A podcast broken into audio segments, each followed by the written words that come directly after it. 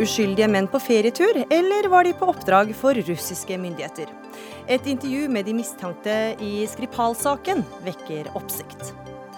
Toleransen i Kirke-Norge må gå begge veier, mener sogneprest, som frykter splittelse i kirken dersom de liberale er for prinsippfaste. Og hårreisende med poledance-kurs for barn advarer helsesøster, som mener sporten seksualiserer barna. Gammeldags, svarer kursarrangør.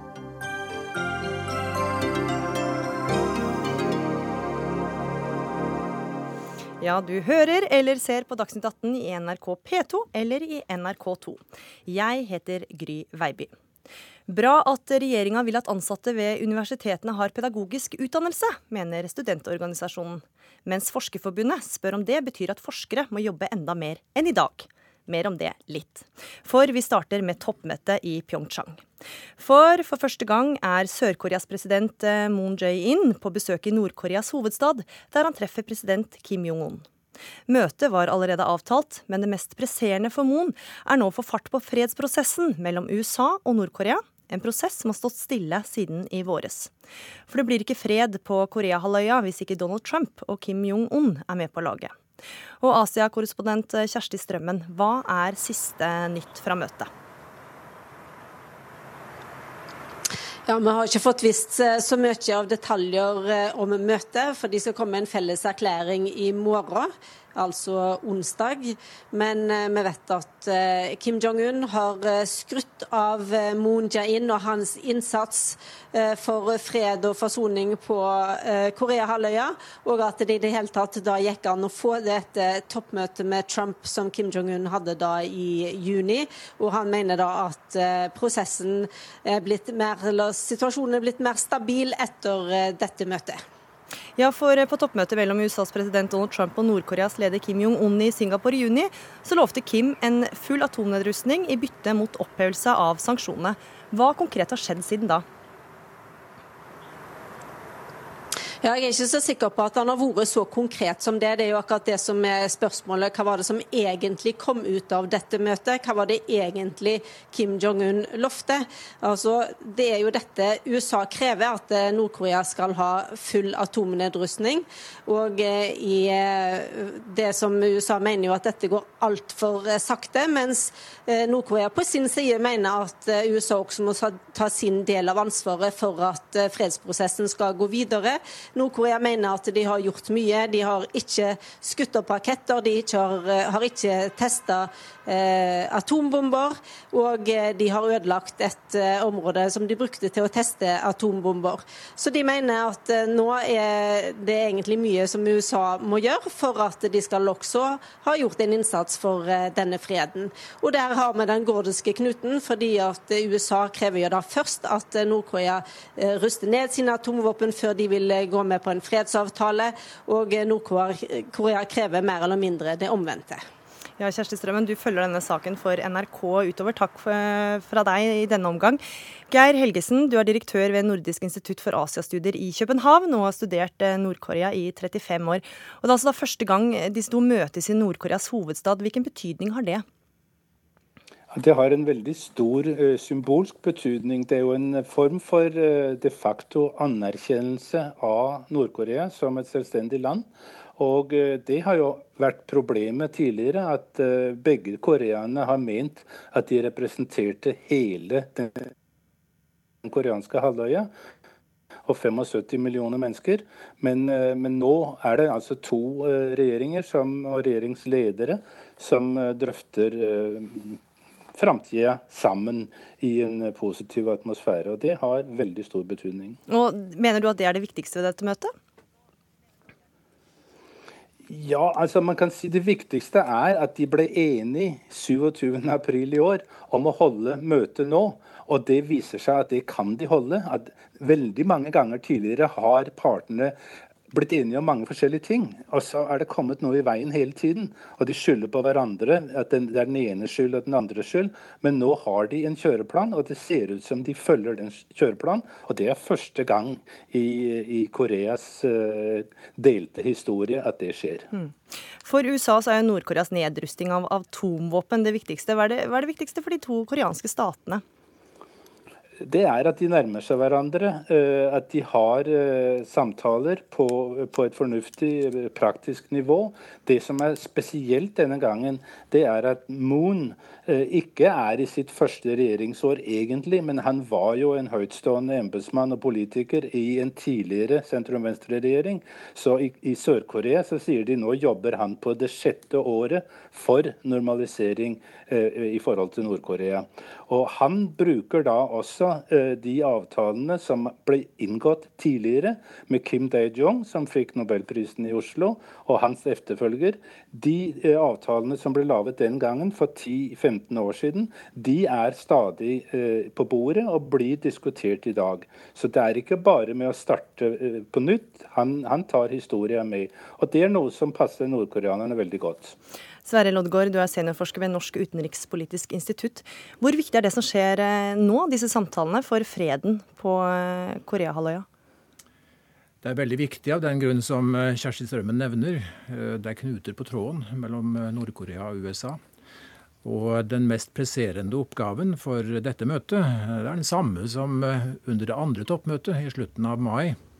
Da var det om å gjøre å få forberedelsene til eh, det som ble toppmøtet i Singapore, eh, på, på skinnene igjen. Og nå er altså spørsmålet å løse opp i den knuten, eh, som altså består i at de tiltakene som Kjersti Strømmen nevner, mener Nord-Korea berettiger amerikanske motytelser. Og USA vil eh, ha mer nedrustning først, altså klarere tegn på nedrustningsvilje. Nå tror jeg nok også at USA i og for seg innser at dette må gå stegvis. Stegvis, som det heter, med gjensidige innrømmelser på, på hvert trinn. Men USA, da snakker vi om en stormakt, de prøver å presse sitronen. Og Så er det spørsmål da hva mellommannen Moon kan gjøre for å løse opp i dette. Og en av hans sikkerhetsrådgivere eh, sier at eh, han vil appellere til Kim om å ta noen store steg for å reversere atomprogrammet. Eh, og da kreve tilsvarende store motytelser fra, fra USA. En fredserklæring, sikkerhetsgarantier, kanskje så smått. Eh, heving av sanksjonene. Altså prøve å løse opp i det ved å høyne innsatsen.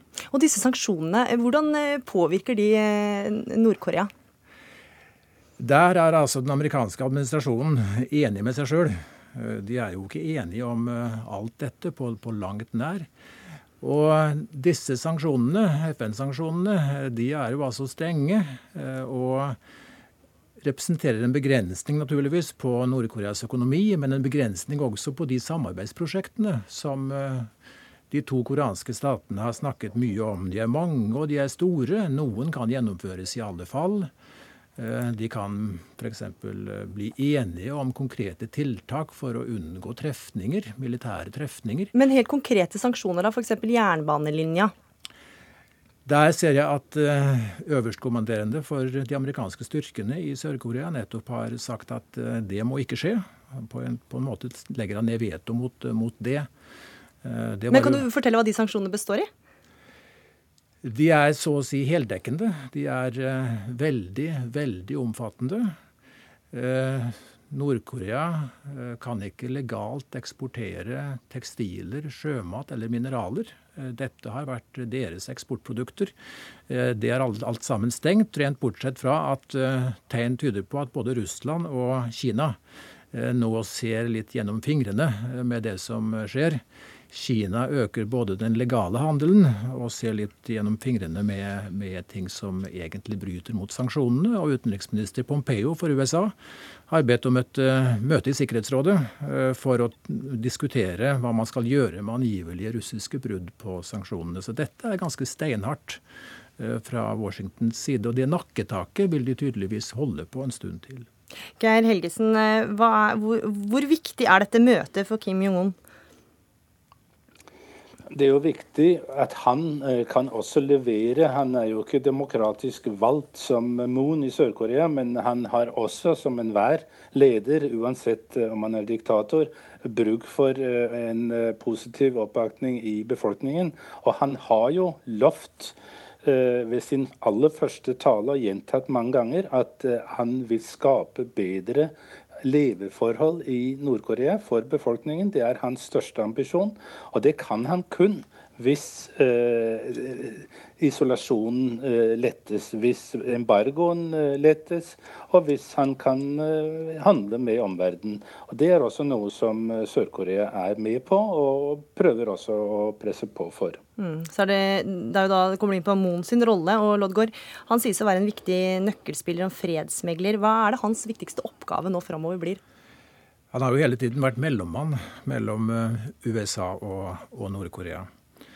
Og nå konkret vil han nok prøve på dette toppmøtet å få i stand en eh, enighet om en eh, fredserklæring. Eh, det er ikke det samme som en fredsavtale, men det er et skritt på veien mot en fredsavtale. Kim mener at Trump lovte det i Singapore. Og så har ikke USA vært villig til å gå ut på den banen, fordi at de er bekymret for at Går de med på en fredserklæring, ja, går de ned den veien mot en fredsavtale, så blir det stilt spørsmålstegn ved det fortsatte amerikanske militære nærværet i Sør-Korea. Det blir stilt spørsmålstegn ved alliansen, og, og, det er da bekymringsfullt for, for, Washington. Dette er imidlertid noe som uh, Kim sier han er innforstått med. og Han sier da rett ut at uh, en fredserklæring betyr ikke at alliansen skal svekkes, eller at uh, de amerikanske militære må ut.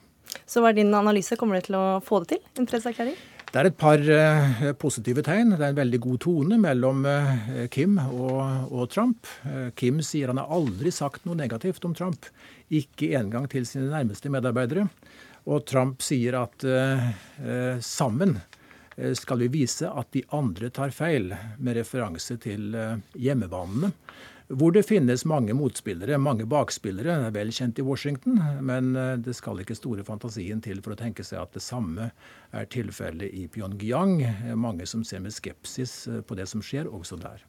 Det blir spennende å følge med på, for eh, om alt går etter planen, så skal de to Korea-lederne holde en felles pressekonferanse på onsdag, der de skal legge fram resultatet av toppmøtet. Takk for at du var med i Dagsnytt 18, Sverre Loddgaard, seniorforsker ved Norsk utenrikspolitisk institutt. Takk også til deg, Geir Helgesen, direktør ved Nordisk institutt for Asiastudier i København.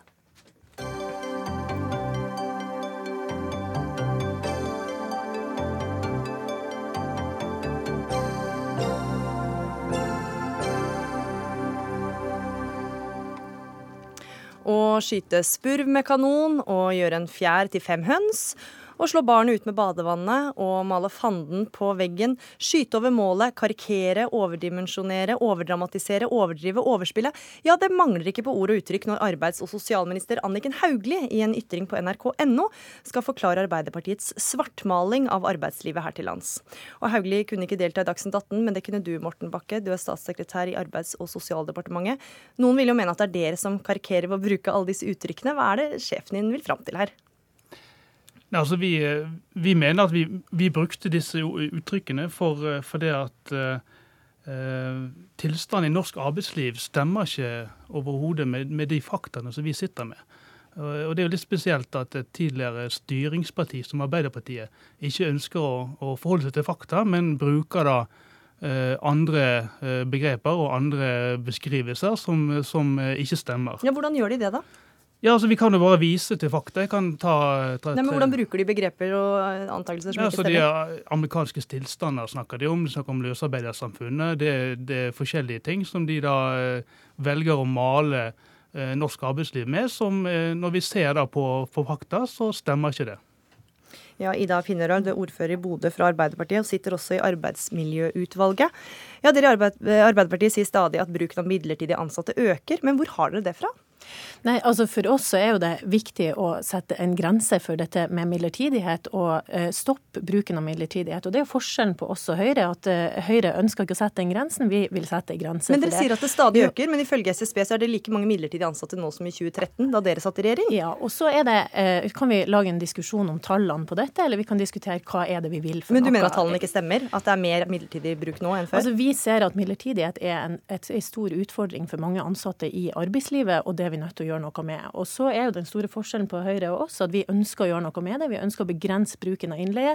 Det har vi også støtte fra, fra Byggenæringens Landsforbund, da vi støtte fra, fra Fellesforbundet, og ei brei støtte Men når det ikke er mer midlertidig nå enn det det var under deres regjering, så hva er egentlig forskjellen? Ja, men det her handler jo egentlig om hva vi vil framover. Og vi har i dag lagt fram et forslag på hva vi ønsker å gjøre for arbeidslivet framover, for å sikre et seriøst arbeidsliv for framtida i Norge. Og da er det noen viktige tiltak som vi er nødt til å gjøre. Eh, og ett av de handler om å begrense innleie. Eh, men det er også mange andre eh, tiltak som vi er nødt til å gjøre. Og så er det jo ikke helt riktig som statssekretæren sier her. fordi at senest i sommer så var Kripos-sjef Eivind Borge ute og advarte mot det han kalte mafialignende tilstander i deler av norsk arbeidsliv. Og det gjaldt bl.a. innenfor byggenæring, restaurantbransje og en rekke ulike bransjer.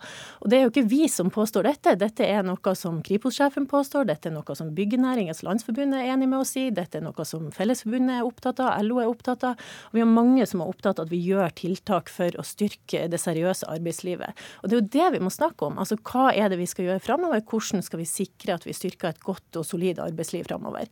Og for oss er dette med innleie ett grep. Et annet viktig grep for oss er jo dette med kompetanse. Altså at vi skal sikre kompetanse gjennom hele livet, og at eh, arbeidstakere får utvikla god kompetanse. Men Bakke, du skal få svare på dette her med Kripos-sjefen som slo alarm da mafialignende tilstander.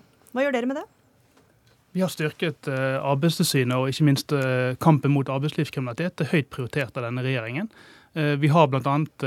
På vår vakt har vi etablert syv a-krimsentre, hvor da Nav, Arbeidstilsynet, Skatt og Tolletaten jobber sammen. Bl.a. i Bodø er jo da Fiskeridirektoratet med, og Tolletaten.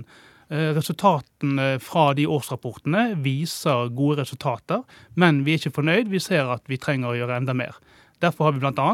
eh, tatt initiativ til et uh, europeisk samarbeid for å styrke innsatsen mot uh, arbeidslivskriminalitet. Og Det er jo nettopp derfor det er så overraskende at arbeidsministeren bruker disse karikaturene når vi nettopp er opptatt av dette enda mer som vi skal gjøre. For vi har mange ting som vi er enige om at det har vært viktig å gjøre, og grep som har vært viktige. A-krimsentrene er et godt eksempel, og i Bodø fungerer det kjempegodt og tar opp viktige problemstillinger for Nordland. Men vi kan ikke drive på og karikere på den måten. Det er nettopp dette enda mer eh, som er viktig. Og vi har mange tiltak i Arbeiderpartiet som vi ønsker å gjøre. Innleie er et sånt tiltak, og det er et tiltak vi har bred støtte støtte for, både i næringa og blant arbeidstakere. Hva, er arbeid, hva er det innleie gjør da, for å gjøre mafiatilstandene verre? Nei, altså eh, En av de tingene som er utfordrende når man bruker kortsiktige kontrakter, midlertidighet og innleie, er at du bygger ikke kompetanse over tid. Sånn at arbeidstakere får ikke mulighet til å stå i en, eh, i en jobb over tid. Eh, det er ille for den enkelte, fordi det har med lønn og det har med muligheter for lån, etablering, alt dette. Leve et normalt familieliv. Men det har jo også noe å si for samfunnet vårt, hvordan vi på en måte bygger opp en en, god kompetanse over tid, og utvikla de forskjellige næringene våre og tjenestene våre. Her, her høres det ut som at vi har et ekstrem eh, omfang av innleie. Innleie i Norge er på 1-2 Andelen midlertidig ansettelser på 8,4. Da Gro styrte i 1996, var midlertidig ansettelser på 13% Ja, Pinnerød, det er jo ni av ti som er fast jobb. Like mange trives i jobben, så det problemet er kanskje ikke så stort som det dere det masse, skisserer? Det er masse bra i norsk arbeidsliv, men det er noen som ikke har det bra. Og jeg må si jeg blir ganske overraska når arbeidsministeren bruker begreper som f.eks. At, eh, at, eh, ja, at arbeidslivet preges av firmafester og, og fredagspils i dag. Jeg tror ikke det er det de polske arbeiderne opplever når de kommer f.eks. innenfor for ganske krevende kår i byggebransjen. Og Det er jo nettopp det vi er nødt til å gripe tak i. Så vi kan på en måte ikke lene oss tilbake og si at nå er alt bra. Vi er nødt til å fortsette å holde på med det som, uh, som, handler om hvordan skal vi styrke arbeidslivet framover. Og der er du enig om mange tiltak? Ja, vi er enige om mange tiltak. Når det gjelder innleie, så har vi allerede vedtatt regler mot innleie etter initiativ fra regjeringen. Eh, vi har styrket vernet for varslere, og vi har kamp mot seksuell trakassering. Men for noen år siden så gjorde det en endring i arbeidsmiljøloven som gjorde det lettere å ansette folk midlertidig. Mm. Hvorfor gjorde dere det, da? For at vi ser at det er et eh, bra springbrett for mange som ikke ønsker fast ansettelse, å komme seg inn i arbeidslivet. Eh, så, jo, så, så, begynte jo Arbeiderpartiet å si at dette, nå går vi mot et løsarbeidersamfunn. Jeg må innrømme når jeg ser på fakta og tallene, så kan ikke jeg finne, kan ikke finne løsarbeidersamfunn i hele tatt. Når det, du har en innleie på 1,5-2% og midlertidig ansettelse på 8,4, hvor er dette løsarbeidersamfunnet? Ja, og Pinnerød, da må jeg jo dra fram SSB-statistikken igjen, som viser at det ikke er noe verre nå med midlertidig enn det det var under dere. Nei, men her motsier jo Høyre seg litt seg sjøl, fordi at man sier at eh, man skulle ha flere inn i arbeidslivet, og flere inn, altså midlertidighet skulle sørge for det, og så er det ikke blitt flere, ifølge dem. Så da er det jo noe her som er feil. Men poenget er jo at, at eh, er man for midlertidige stillinger, eller er man for faste stillinger. I Arbeiderpartiet så ønsker vi faste, hele stillinger. At folk skal ha en forutsigbarhet for jobb og en trygghet i jobb. Og Det er den store forskjellen på oss og Høyre. Det er viktig for oss i Arbeiderpartiet at folk har faste stillinger. I Høyre er man ikke så opptatt av det, og har derfor også innført en mulighet for en større grad av midlertidighet. Altså, det men det vil jo få folk lettere inn i arbeidslivet, da? Ja, flere inn i arbeidslivet hvis de ikke har en fast tilknytning? Altså, for, for, oss er det viktig at de som kommer i arbeidslivet, også får en fast tilknytning til arbeidslivet. og Det er jo det som er hele poenget her. Og her er det en stor uenighet mellom oss. og vi, vi har eh, forskjellige utgangspunkt i forhold til det. Vi er opptatt av faste stillinger for de ansatte, men vi mener også at det utvikler kompetansen både i tjenester og i næringsliv, og at det er bra for eh, business, rett og slett. Altså Hovedregelen er jo fast ansettelse, så det, der er vi enige. Men så har vi sagt at det skal være muligheter for å ha midlertidige ansettelser, og vi vet jo av eh, rapporter som viser at mange av de som som starter som midlertidig ansettelse, blir eh, fast ansatt. Eh, den døren vil eh, Arbeiderpartiet lukke. Vi nå, vi har tatt initiativ til en inkluderingsdugnad hvor vi trenger alle gode krefter til å få flere av de som står utenfor, inn i arbeidslivet. Svaret fra Arbeiderpartiet er å lukke den døra og si at ja, men dere må enten må dere være arbeidsledig, stå i Nav-kø eller være fast ansatt. Altså skyte spurv med kanon, ikke... da, som din ja, sjef sa. Ja, Ida Pinnerød, ordfører i Bodø fra Arbeiderpartiet, takk for at du var med i Dagsnytt 18. Takk også til deg, Morten Bakke, statssekretær i Arbeids- og sosialdepartementet.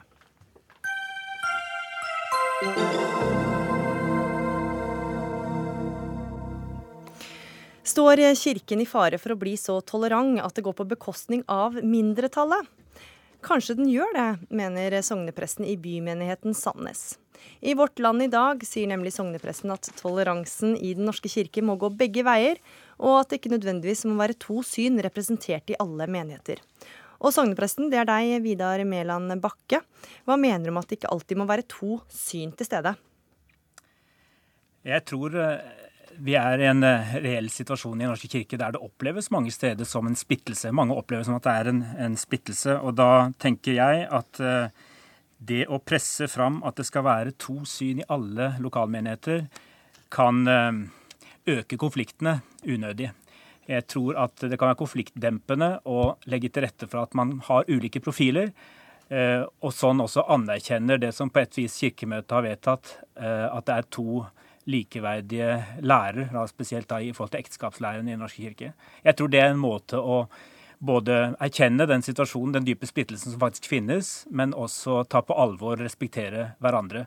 Det betyr ikke at man ikke kan samarbeide på mange forskjellige måter, også mellom menigheter og mellom prester og kirkelige ansatte. Men det kan være noen, noen ting som er vanskeligere å gjøre i lag. Og Hvor er det du mener at splittelsen går?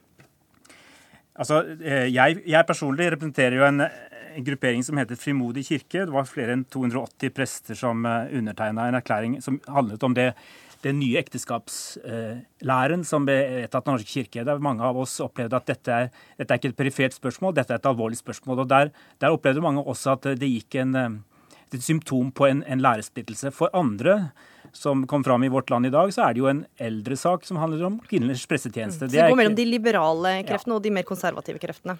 Ja, det kan du si. Mm.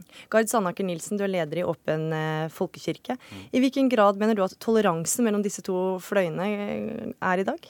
Eh, jeg er jo helt enig i at toleransen og, uh, må gå begge veier. Og det, uh, og det gjør den, i hvert fall på, på, vår side, hvis du kan kalle det.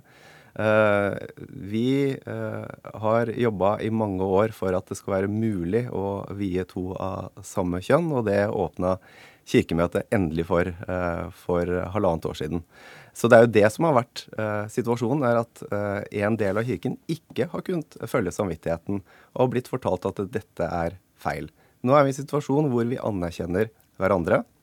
Uh, og det er mulig å, å, si at dette kan jeg ikke gjøre, jeg kan ikke vie to av samme kjønn. men likevel så skal alle bli møtt med en åpen dør av kirken. Og denne uenigheten som, som nå blir tegna opp, denne for det første så er den ikke noe ny. Dette er Kirken har levd med uenighet i, i all tid. Og det er jo ikke sånn at det er noen menigheter som er fri fra uenighet. Her er det, her er det mennesker som, som tenker ulikt og som mener ulikt, som utgjør alle uh, menigheten rundt omkring i, i Den norske kirke. For kirken er jo først og fremst der folk bor. Det er ikke sånn at man søker sammen fordi at man er enige om noe, men fordi at fellesskapet er større. Kirken er større. Mm. Og Sånn sett så er den ideen om at vi lager eh, menigheter med én type eh, teologi og, og tanke, eh, mener jeg ikke fungerer. Det må være plass til alle? Ja, eh, fordi at kirke, Den norske kirke er først og fremst der folk bor. Mm. Ja, Bakke, toleransen går begge veier i dag, sier Sandaker Nilsen. Hvilke eksempler har du på at det ikke gjør det? Nei, så Jeg har lyst til å si først at, at jeg, har, jeg, anerkjenner den kampen som, som Gard Sandager Nilsen og hans fløy har stått for. Og jeg tror at de har opplevd at de har vært på den andre siden, som ikke alltid har blitt tolerert. Og så er, er på en måte eh, situasjonen snudd litt på hodet nå. Men jeg tror det er eh, et ideal å strekke seg etter, for meg også, at vi i alle slags menigheter skal kunne leve side om side og være, eh, og, og være sammen. Eh, situasjonen er bare den at slik er det ikke i Den norske kirke mange steder i dag. Og da står man mellom eh, det valget både for vanlige folk i kirka, og også for prestene, om de skal gå ut og etablere et nytt kirkesamfunn. Det er det noen som velger å gjøre. Eller om man skal finne eh, ordninger i en, det mange vil si er en nødsituasjon. Finne ordninger sånn at man kan eh, samarbeide, ha en god dialog, møtes ansikt til ansikt, men samtidig også finne praktiske løsninger lokalt som, som anerkjenner den dype forskjelligheten som faktisk finnes. For her tenker nok ulike mennesker i kirka ulikt om hvor, eh, hvor, hvor dyptgripende dette har vært. Og, og, hvilke konsekvenser det har også for andre, andre, teologiske spørsmål. Det er ikke bare det spørsmålet isolert, men vi ser det i sammenheng med også andre spørsmål. Mm. Sanne Knilsen? Ja, for det, det jeg har lyst til å utfordre uh, Vidar Melland Bakke på, uh, på hvordan uh, på det, ser man for seg dette uh, i praksis. Uh, Nattverdfellesskapet, det å motta nattvern, det er noe av på det kjernesymbolet på, på enheten fellesskapet i kirken. Uh, og da lurer jeg på, Forstår du at noen ikke kan motta nattverd sammen med meg, eller ta, motta han fra meg? Fordi du er homofil? Fordi at jeg er mm. homofil. Jeg er gift med en mann. Mm.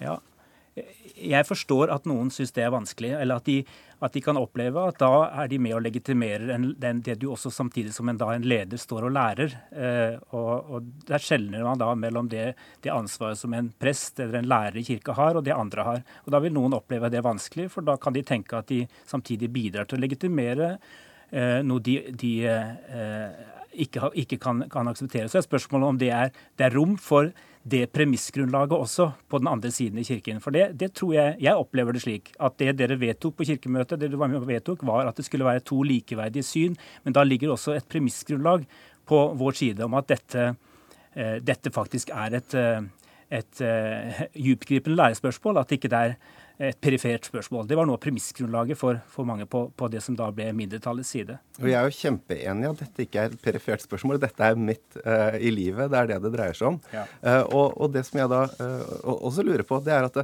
det, det høres da ikke ut på meg som at de som du snakker om, om det gjelder deg eller andre, de anerkjenner ikke det mangfoldet som da Kirken består i, som den virkelig består i. Og da er det en ønsketenkning at Kirken, et, et fellesskap, skal bestå av folk som ikke er sånn som meg. Uh, og det synes jeg er problematisk. At uh, man tenker at det er noen som skal defineres ut av Den norske kirke. Ja, Bakke, du vil jo ekskludere en del da, ved å bare velge ett syn? Uh, I Den norske kirke så er det i dag rom for ulike mennesker. Eh, og for ulike ståsted, valg som man gjør i forhold til spørsmålet om, om eh, ekteskap. Eh, jeg har ikke gått ut av kirka og anerkjenner sånn sett at vi har disse to lærerne som oppleves splittende som oppleves motstridende for veldig mange mennesker. I de aller fleste tilfellene vil det derfor være rom for, for både mitt, mitt, liv og mitt, min lære og Gard Sandaker Nilsen sine valg. Men jeg tror at det kan være unødig konfliktskapende lokalt, både i forhold til trosopplæring og i forhold til kirkelig arbeid, at, eh, at um, det ikke skal kunne være profiler, sånn som det i praksis er allerede i dag, særlig i større byer. Så har man ofte også teologiske profiler i ulike menigheter. Det tenker jeg det er ikke sikkert det er så gærent, for det kan være konfliktdempende i en uhyre krevende kirkelig situasjon, som fortsatt er der. Mm. Og jeg tenker man må gjerne, eh, og vi i Åpen folkekirke tenker at man må gjerne eh, på en måte skape menigheter som har ulike målgrupper og profiler. Men den teologiske ut, uh, uenigheten den går på tvers av former for karismatikk og religiøsitet. Det er ikke det det dreier seg om. Så det å tro at man kan reindyrke en menighet uten at det sitter lesbiske, homofile, bifile, transpersoner, folk som ikke helt vet hva de er, i menighetsfellesskapet, i benkeradene, det er naivt, og de fortjener å bli møtt på en god måte. Ja, Bakke, hvordan skal du møte mangfoldet på en god måte når du etterlyser ett syn?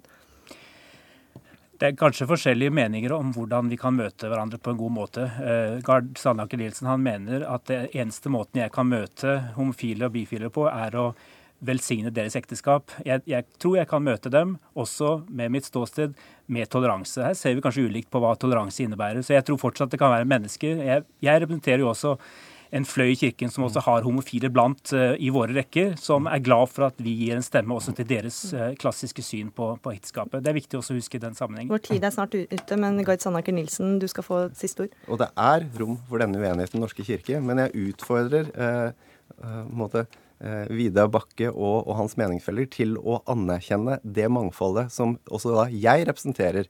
At jeg blir definert inn i de fellesskapene som de skaper.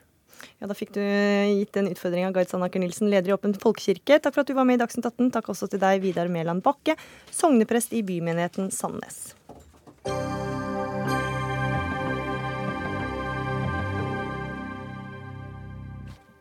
Et eh, intervju på statlig russisk TV har fått det til å koke på sosiale medier og i avisspaltene. For de to mennene som er anklaga for å ha utført nervegiftangrepet på ekspionen Sergej Skripal og datteren hans Julia i Salisbury i Storbritannia, har nå latt seg intervjue. Der framstilles de som to homofile menn som elsker gotiske kirketårn og bare var på ferie i Salisbury. Og Moskva-korrespondent Jan Espen Kruse, hva slags reaksjoner har kommet i etterkant av intervjuet? Nei, Det er jo all verdens eh, forskjellige reaksjoner.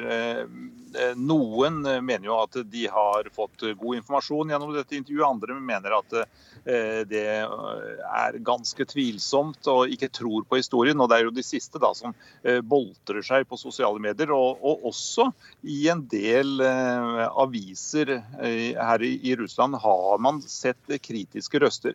Noen driver jo narr med disse her to karene og deres historie om at de bare var turister i denne byen og var opptatt av eh, katedralen der.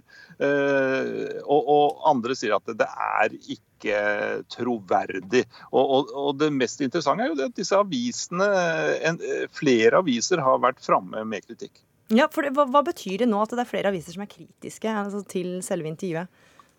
Jo, det er jo litt oppsiktsvekkende. For normalt når, eh, når, de politiske myndighetene kommer med en sånn offisiell eh, versjon, sånn som de hele tiden har holdt fast på at dette er en svertekampanje fra Storbritannias side. Og Russland har overhodet ingenting med dette nervegiftangrepet å gjøre. Det, det, har de jo virkelig holdt fast på. Så når eh, medier her i Russland begynner å, å stille kritiske spørsmål til den offisielle versjonen fra Kreml, så er det uvanlig og det er ganske spennende. Og En av avisene peker på at dette, disse skulle jo da ifølge sin egen versjon være eh, næringslivsdrivende, altså drive sin egen helsekostvirksomhet. Og eh, Journalistene har ikke klart å finne noen spor etter denne bedriften noe steder, f.eks. Og eh, trekker den konklusjonen at vel, da er det vel sannsynlig at de holder på med helt andre ting enn næringsmidler. Christian Krogh Sørensen, er tegneserieskaper og Russland-kjenner, og har sett intervjuet. For alle oss som ikke har sett det, hvordan er det? Nei, Dette er to eh, karer som framstår som veldig nervøse. Eh, og de virker ikke på noen måte innstilt på å kunne levere noen troverdig forklaring. Eh, I samtale med eh, RT eller Russia Today sin intervjuer, eh, Margarita Simonian, så er de klønete. De svarer veldig kort. Eh, de roter det litt sånn til for seg sjøl. Eh, og hun griller dem jo litt, da, og, stiller jo til dels intime spørsmål på liksom, hvorfor bor dere på samme hotellrom og, og sånne ting som det. Og, og, når de ikke kan gjøre rede helt for liksom, hva, hva, de driver med av, av denne businessen, så eh, virker det jo rett og slett ikke som om det gjøres noe forsøk på å framstille dette som noen troverdig historie i det hele tatt. Nei, for det var den statlige TV-kanalen Russia Today altså, som intervjua dem. og Hvordan prega det intervjuet? Nei, det gjør vel at man, man, nesten Altså, det lukter litt av at dette er, dette er, det noen som har fått dem til å gjøre. Og ikke sant, vi vet jo at uh, Vladimir Putin, Russlands president, eh, kom jo med en uttalelse dagen før om at disse to mennene de bør uh, nå innfinne seg og, og forklare seg. Eh, og Han la jo til at de er sivilister, som han kalte det. Altså, og Ut av det kan vi jo lese at de ikke har noe med russiske etterretning eller russiske sikkerhetsstyrker å gjøre. da. Eh, og så kommer denne litt sånn klønete forklaringen. Eh, som, eh, som Jan Espen Kruse var inne på, som har fått folk til å spekulere veldig på altså, Man finner ikke noe spor etter eh, denne bedriften de påstår at de driver. De påstår jo at det, det var masse sludd og slapp som gjorde at de ikke greide å komme seg fram til denne katedralen i Salisbury. Så hele greia er jo en, en farse, egentlig. Eh, så sånn sett, så ja, som sagt, det, det, virker ikke som det er gjort noe forsøk på å gjøre dette troverdig. da. Og så blir det da framheva at altså de er homofile, eller det blir, blir i hvert fall spekulert i det. Hvorfor er det viktig? Nei, det rare er jo at de sier jo sjøl i intervjuet at eh, vi hadde jo eh, Altså, de sa jo at hvis vi skulle ha hatt med oss noe gift, så ville det jo være veldig rart å ha den i en parfymeflaske. For da det ville jo være rart om to heterofile menn reiste rundt med en dameparfyme eh, på ferie. Eh, og så får de jo da disse spørsmålene om, om hvorfor de så på samme rom, og så sier du at ja, men det er jo hyggeligere og billigere og mer eh, lettere på alle måter. Eh, og så er det jo da hun, eh, hun, intervjueren som senere har begynt å spekulere i om ja, nei, jeg vet ikke om de er homofile eller ikke, men, men så sier hun at er, de, hun kommenterer etterpå at de gjorde jo ikke noe tilnærmelser mot meg under intervjuet. Eh, så da eh, Trekker en litt spesiell konklusjon på, basert på det, da? Ja, så du kan si at hun sier så mye som at eh, Jeg kan ikke si om de er homofile eller ikke, men, men, bare det at dette tas opp i det hele tatt, gir jo det hele en enda mer sånn absurd atmosfære. Og det er jo det som har blitt den store det store diskusjonstemaet i russiske tabloider og, og, og Kreml-vennlige TV-stasjoner og aviser, da, er jo ikke eh, hvorvidt eller ikke disse to mennene eh, har noe med mordforsøket på Sergej Skripal å gjøre, men hvorvidt de er homofile eller ikke, da. Ja, Det er det som har blitt fokus nå. Ja, og det, det er vel det man kanskje kan tro er meningen med det hele, da. Lene Wetland, du er leder for Russland-avdelingen i Helsingforskomiteen. Hva er din forklaring? Altså Nå har russere begynt å harselere med dette intervjuet. Hva er din forklaring på at de har kommet dit? Eh, russere har alltid brukt humor for å kommentere det myndighetene har gjort av eh, morsomme, tragiske og eh, forferdelige ting. Og med sosiale medier og internett og alle de mulighetene som finnes, så er det jo uendelige muligheter for å gjøre narr av det som myndighetene gjør. Så den kritikken vi ser nå er ikke noe uvanlig fra russere? Eh, det er ikke noe uvanlig med anekdoter og vitser og sanger og spøker. De har vært der alltid, men det blir så mye mer synlig og mye mer delt eh, når man har eh, mulighetene med, med sosiale medier. Og så er det jo blitt flere som gjør det, og det er blitt mer, mer akseptert. Mm. Hva gjør denne saken med tilliten da, til myndighetene? Eh, en av grunnene til at det er så mange flere som, som spøker med det og, og lager disse memes og, og internettspøker, er jo òg fordi at denne tilliten blir stadig mer undergravet. Eh, en kjent menneskerettsaktivist tvitret i går at eh, i løpet av en uke så har vi mistet, eh, eller ødelagt, både militær etterretning, valg og nasjonalgarden. Og det er ting som bare har skjedd på én uke, at russiske myndigheter har greid å ved veldig rare grep å undergrave eh, sine egne institusjoner. Mm. Er, det, kan, er, det, noen konsekvenser som kan ventes på de som deler med mer eller sender videre informasjon om dette intervjuet og harselerer?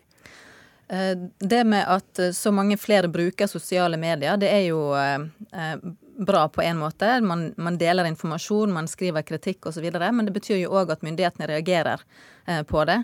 Så det har vært eh, stadig flere innstramninger på bruk av, eh, av internett og sosiale medier, og hva man, hva man har på sin egen Facebook-side eller kontakt i den russiske versjonen av Facebook. Så det er jo flere som får anklager om ekstremisme og terrorisme av å dele bilder av John Snow fra Game of Thrones som en glorie, f.eks. Da risikerer man seks år i fengsel for å såret følelsene til de troende. Så den type anklager kommer jo for å skremme noen, men det provoserer jo andre mm. desto mer. Mm. Krog Sørensen, hva, hva, hvor er det de russiske myndighetene vil med denne saken? Det, Eller med dette intervjuet? Det er jo et uh, veldig godt spørsmål som, som, veldig mange har ulike svar på. Uh, en teori er jo at om, uh, om det stemmer at disse to sto bak dette mordforsøket, eller attentatet mot Skripal, så er dette en måte for russiske myndigheter å distansere seg fra dem, og kanskje også straffe dem. At de er jo to agenter som har utført et mislykka oppdrag. De har jo ikke greid å drepe Skripal, og de har jo også da eh, blitt eh, funnet i etterforskningen. Eh, så det at de blir grilla sånn i offentligheten, og i tillegg får dette stempelet som homofile Som vi vet, så er jo russiske myndigheter eh, ganske homofobe. Så, så det å bli stempla som homofil offentlig i Russland kan jo anses som en straff, egentlig. Eh, jeg tror nok også at eh, et viktig poeng her, det er at man ønsker å så tvil om Eh, den etterforskningen som eh, britiske myndigheter har gjennomført. Fordi at altså, Så lenge denne saken ikke kan bli prøvd i retten, og det blir den jo sannsynligvis ikke, i og med at det er, det er veldig lite sannsynlig at, eh, at, disse to blir utlevert til britiske myndigheter, så er det jo på en måte ikke en, helt 100% sikkert at de har gjennomført dette. Det de er jo ikke blitt tatt på noe med, med direkte bevis.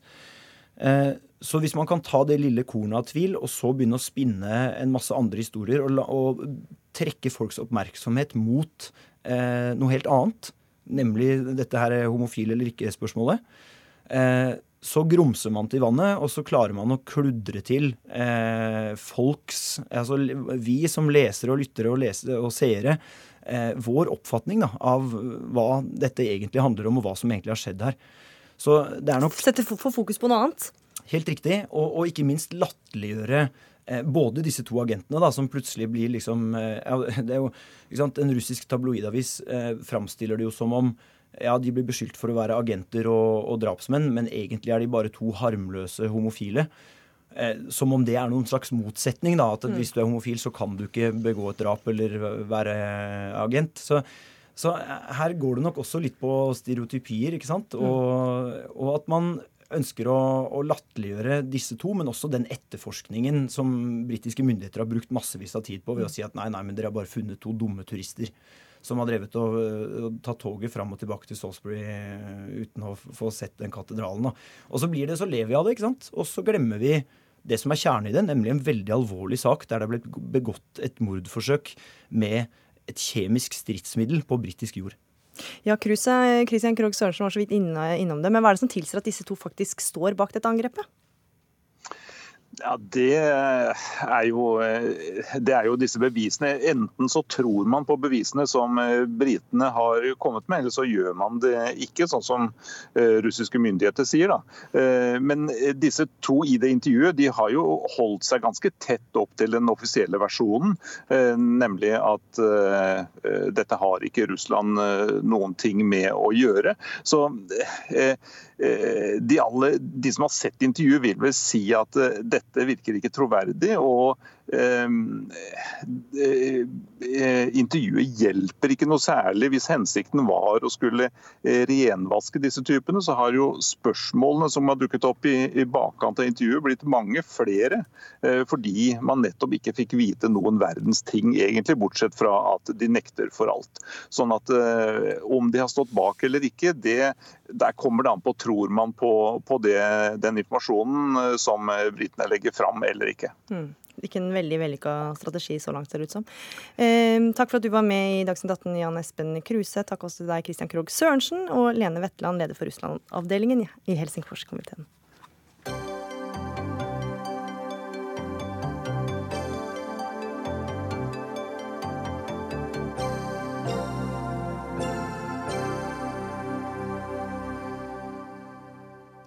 Fra 1.9 neste år må du ha pedagogisk kompetanse for å bli ansatt som forsker ved høyskoler og universiteter, eller for å rykke opp i stilling. Vil si at for å få jobb som førsteamanuensis må du dokumentere din pedagogiske kompetanse ved at du f.eks. har tatt egne kurs i pedagogikk. Og kravet skal ifølge utdanningsminister Iselin Nybø sikre enda bedre undervisningstilbud for studentene. Og Petter Aaslestad, du er leder i Forskerforbundet og professor ved NTNU. Du er skeptisk til dette kravet. Hvorfor det? Ja, altså I utgangspunktet så er jo vi glad for at man nå skal vektlegge undervisningskompetanse i høyere grad enn det man har gjort før. Mange av våre medlemmer som er opptatt av undervisning, syns de ikke har fått god nok meditering gjennom årene. Men hva er dere skeptiske til, da? Det vi er skeptiske til nå, er at dette kommer som et tillegg til kompetansen som legges liksom på individnivået.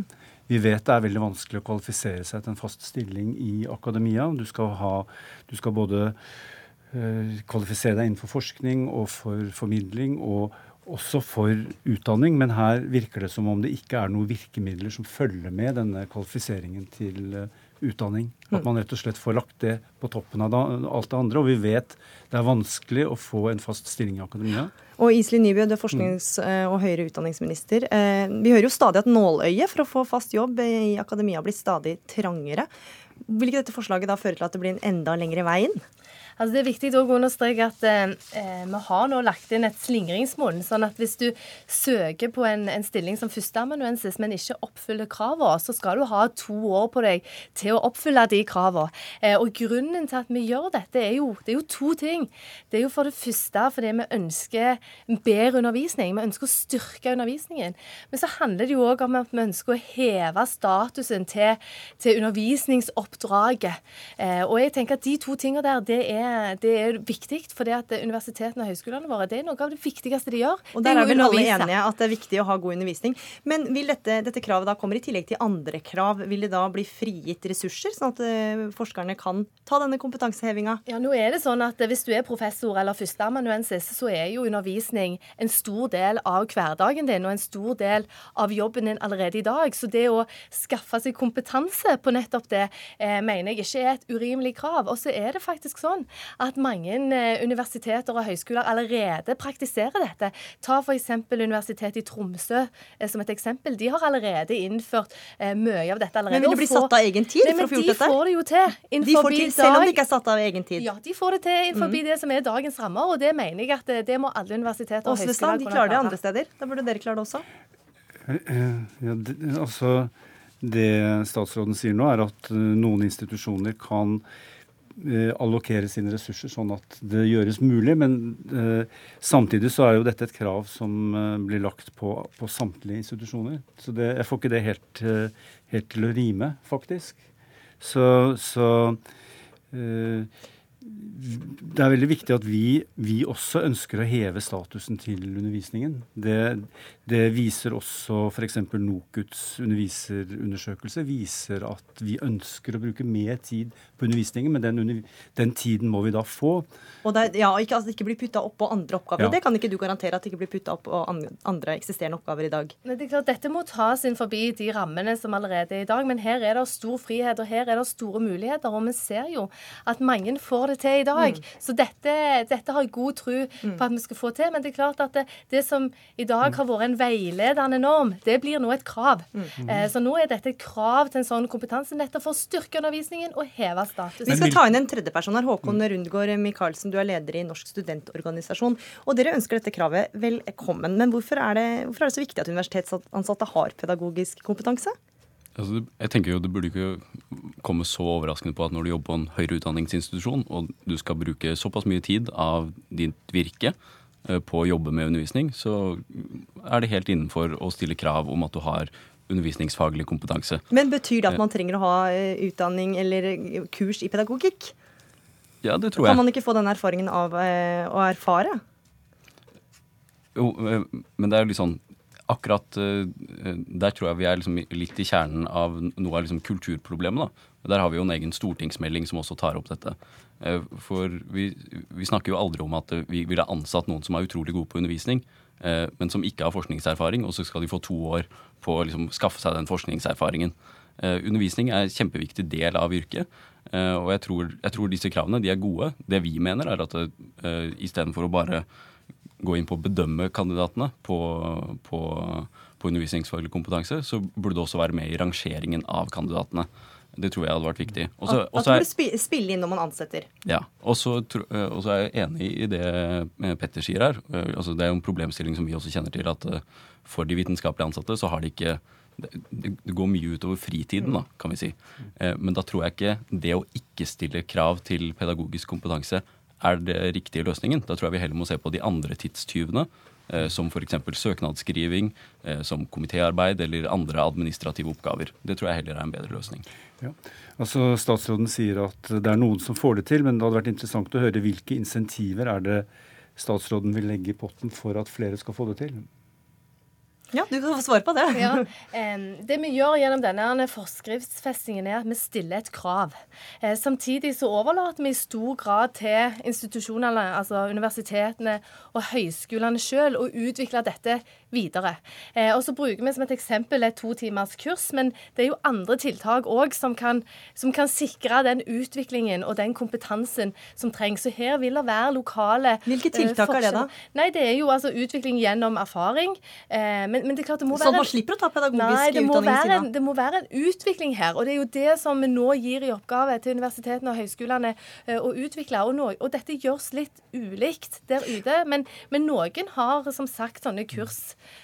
men hvordan vet du at kurs i pedagogikk gjør at man blir en bedre formidler? Det, vil, det, er jo sånn i dag at de aller fleste som har vært studenter, og er studenter, de har opplevd å ha en foreleser som bare, altså, som bare motiverer deg og inspirerer deg og lærer deg så mye. Er det fordi at de har vært på kurs, eller fordi at de har, har de fleste opplevd det motsatte, at mm. du ikke helt følger den inspirasjonen. Og det, det er liksom, Folk er forskjellige. Men nå, nå, setter vi dette kravet nettopp fordi mm. det, undervisningsoppdraget er så viktig. Og det å heve kvaliteten på undervisningen, det å heve statusen til undervisningen, det er viktig. Derfor tar vi dette kravet og forskriftsfester det.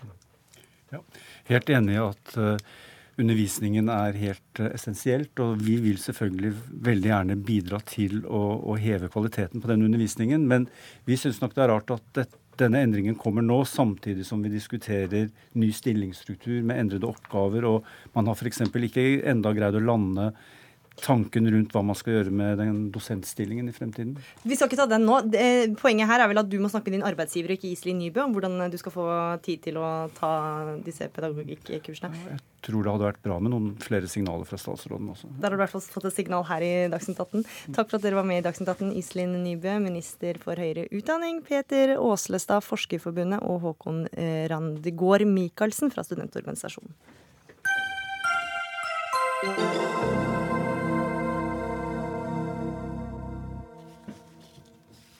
Pole er en veldig morsom aktivitet, og den passer like godt for barn som for voksne. Her blir det mye lek og moro, og vi vil prøve ut forskjellige triks på stangen. Slik lyder beskrivelsen av kurset som skal undervise barn i alderen 6 til 12 år i sporten pole. Men ikke alle syns dette lyder like gøy og uskyldig. Vi skal snart ta debatten, men først eh, Kristine Bendiksen. Eh, du er stedfortredende senterleder for Sometimes Pole Studio. Hva er pole? Eh, pole det er en teknisk og en fysisk krevende idrettsform eh, hvor vi kombinerer både dans og akrobatikk. Og hva man bruker en stang. Man ja. danser rundt en stang. Tone Bjørnson eh, Ånderå, du er helsesøster og sexologisk rådgiver ved HKS, helsestasjonen for kjønn og seksualitet. Til TV 2 i helga sa du at du syns at dette er hårreisende. Hvorfor det? Ja, jeg ble ganske sjokkert da jeg hørte det første gang. Um, fordi jeg tenker at det er problematisk at eh, en, en idrett som eh, poledansing eh, altså, altså, knyttes til barn. Nettopp fordi at det assosieres med noe sensuelt, med noe seksuelt som jeg tenker at barn ikke skal assosieres med. Mm. Men er det ikke du som setter de assosiasjonene til barna? Det kan du si at jeg gjør, men det er jo ikke bare jeg som gjør det. fordi at uh, OK, nå, nå, tok jeg en liten subjektiv spørreundersøkelse til mine barn, da. Og de er jo mine barn. Uh, uten at jeg visste hva de ville svare. Og da spurte jeg dem hva syns dere om poledancing, og da sa de det har vel noe med stripping å gjøre. Mm. Uh, og jeg tror ikke det er bare de som tenker det. Uh, det er det mange grunner til, fordi barn i dag vokser opp i en veldig seksualisert verden. Mm. Jeg har ikke noe problem med å se at dette er en eh, fysisk og utfordrende og bra idrett for kroppen, men jeg tenker assosiasjonene vi har til Pole, tror jeg ikke er noe sunt for barn. Mm. Ja, Bendiksen, mange assosierer dette med stripping. Hvorfor skal barn involveres i dette da? Um, vi ser det ikke som altså, Vi ser det mer som en idrett. Og jeg, vet, jeg, føler i hvert fall at vi lever i et samfunn som er veldig flinke på å objektivisere, objektivisere mye av det vi gjør. Og det vi prøver å tilby, er trygge rammer for å utføre en morsom idrett. Eh, så når vi eh, snakker om pole, eller ser en pole-sang, som på en måte er det som er det store synderen her, det er stangen i seg mm. selv, ikke det vi driver med, eh, så ser ikke vi på den og tenker stripping. Det vi assosierer med det, er en idrettsform og trening. Ja, ja dette er jo en sport, som du selv sa. Mm. Ja da, eh, det kan det være. Men det hører ikke hjemme hos barn, syns jeg. Eh, hvorfor kan ikke barn få lov til å utfolde seg i turn, altså på turngrupper? Men der går de også lettkledd. Det er bare det at de ikke har denne stanga. Ja, da, men hva tenker, hva tenker man når man ser den stangen? Hvis man spør en klasse hva tenker når de ser den polstangen, så tror jeg en del av dem vil svare at oi, det har jeg sett før på et eller annet, eller man har hørt om en strippeklubb. Og jeg forstår godt at Kristine eh, ikke um, har fokus på det, men det har noe med at så lenge det er assosiert med noe sensuelt, så syns jeg det er problematisk. Og jeg tenker spesielt i dag når vi lever i et samfunn hvor barn seksualiseres fra de er bitte små. Man, man, kjøper Lego Friends til jenter som er figurer med, med trange kjoler, eh, som er på en måte mer sånn erotisk inspirert, for å si det sånn. Det fins G-strenger til tolvåringer. Og jeg tenker at vi må hjelpe dem. Jeg har lang erfaring med å jobbe med ungdom, eh, og vi må hjelpe dem til å, eh, til å på en måte bli trygge i seg selv. Eh, og det er jeg helt sikker på at dere har fokus på. Men for meg så er pollen assosieret med noe som jeg ikke tenker at barn har så godt av. Hadde det vært bedre hvis de hadde tatt bort stanga? Ja, det hadde vært helt klart. For det hadde jo vært som et, en, en hvilken som helst eh, turngruppe, da, egentlig. Eller hva vi assosierer med det. Det er jo stangen som blir problematisk, syns jeg. Ja, Bendiksen, hadde det vært et alternativ å ta bort stanga, da? Eh, nei, det for det er jo en gøy idrettsform. altså sånn eh, barn, Det er ikke naturlig for barn å assosiere det med stripping. Og jeg skjønner jo at mm. noen altså, har jo hørt dette, òg, men for et ungt barn da, å se det f.eks. hvis du ser på T-banen, da, så er det de stengene der, og et mm. barn hopper på de, og mm. eh, barn klatrer i trær. Så det er morsomt for de å leke med dette og utføre, liksom, eh, utføre, akrobatikk da, på de stengene. Men, men hva er det som gjør at dere tenker at dette er en idrett som passer for barn? For dere tilbyr disse kursene for barn? Ja, fordi det er en fantastisk idrett som vi opplever for voksne, hvor det er basert på de samme. der, er som rytmisk sportsgymnastikk, turn, eh, ballett. Det er, liksom inkorporerer alle disse Eh, idretten igjen. Og det er en utrolig bra idrett. Så jeg tror på en måte det vi eh, Vi skjønner veldig godt at det er mange sterke assosiasjoner med sporten ennå. Men vi bare Vi vil fortsette å prøve å flytte de organisasjonene over sånn vi ser det, som en idrett, som noe positivt. Um, ja, ånder og Før så var det jo sånn at rock, for eksempel, altså, den dansen var jo veldig vulgær og ble satt som veldig seksualisert. Er du bare på en måte litt gammeldags i tankegangen din? Jeg tror ikke jeg er det. Eh, og hvis jeg er det, så får jeg heller være det. Eh, jeg jobber på et sted eh, som har fokus på kjønn og seksualitet, og jeg er veldig opptatt av positiv seksualitet, så jeg vil ikke si at jeg er så veldig traust i forhold til akkurat det. Men jeg tenker at det er veldig godt å høre, Kristine, at dere jobber for å på en måte fjerne det bildet eh, som kanskje Pål har hatt. Men jeg syns ikke det er riktig at barn skal bære det ansvaret for å endre den oppfatningen i vårt samfunn. Og så lenge den er der, så syns jeg det er problematisk at det er for barn. Mm. Men hvordan foregår en sånn Pål-time da, for disse barna? Eh, det er jo stort sett lek. Eh, og så får de prøve å leke på sangen, klatrer, snurrer litt rundt. Um, og vi har også leker sånn kan leke haren. Uh, og så, ja, så blir det lært litt altså Stort sett det blir ikke lært bort så mye. Det er mer sånn at de skal få lov å prøve seg som det ville falt naturlig for de og sånn, og klatre i trærne. Og så blir det ja, så blir det som en trening som man ville tenkt på med turn. Mm. Og at man får kroppsforståelse og styrke og koordinasjon. Det høres jo ikke veldig seksualisert ut, da. Nei, det høres veldig greit ut. Absolutt sånn som det sies nå. Men jeg tenker at hvis du ser eh, på et program som f.eks. Side om side, så snakker de nettopp der om, som en del ser på, eh, som er jo egentlig et mer sånn morsomt norsk eh, eh såpeopera. Eh, og der snakker de om Pole Sisters, og det de kaller, altså hvorfor de kalles Pole Sisters, de som er der, er fordi at de har sett sex med samme mann. Og det sier jo litt om hva man legger i ordet Paul, i og med at de kaller det det. ikke mm. sant? Her er det noe seksuelt som ligger under, og googler man på Paul, så finner du masse kurs. Og det er kjempefint, men, men, du finner også en del som har noe med sex å gjøre. Men for disse barna så er det jo bare trening eh, ja. i en stang, og ja. det er jo dine assosiasjoner igjen da, som ja. kommer inn her. Men, men, eh, jeg snakker jo ikke bare for meg selv. Jeg snakker, jeg tror at det, det hadde vært interessant å satt en polstang i gymsalen på en skole.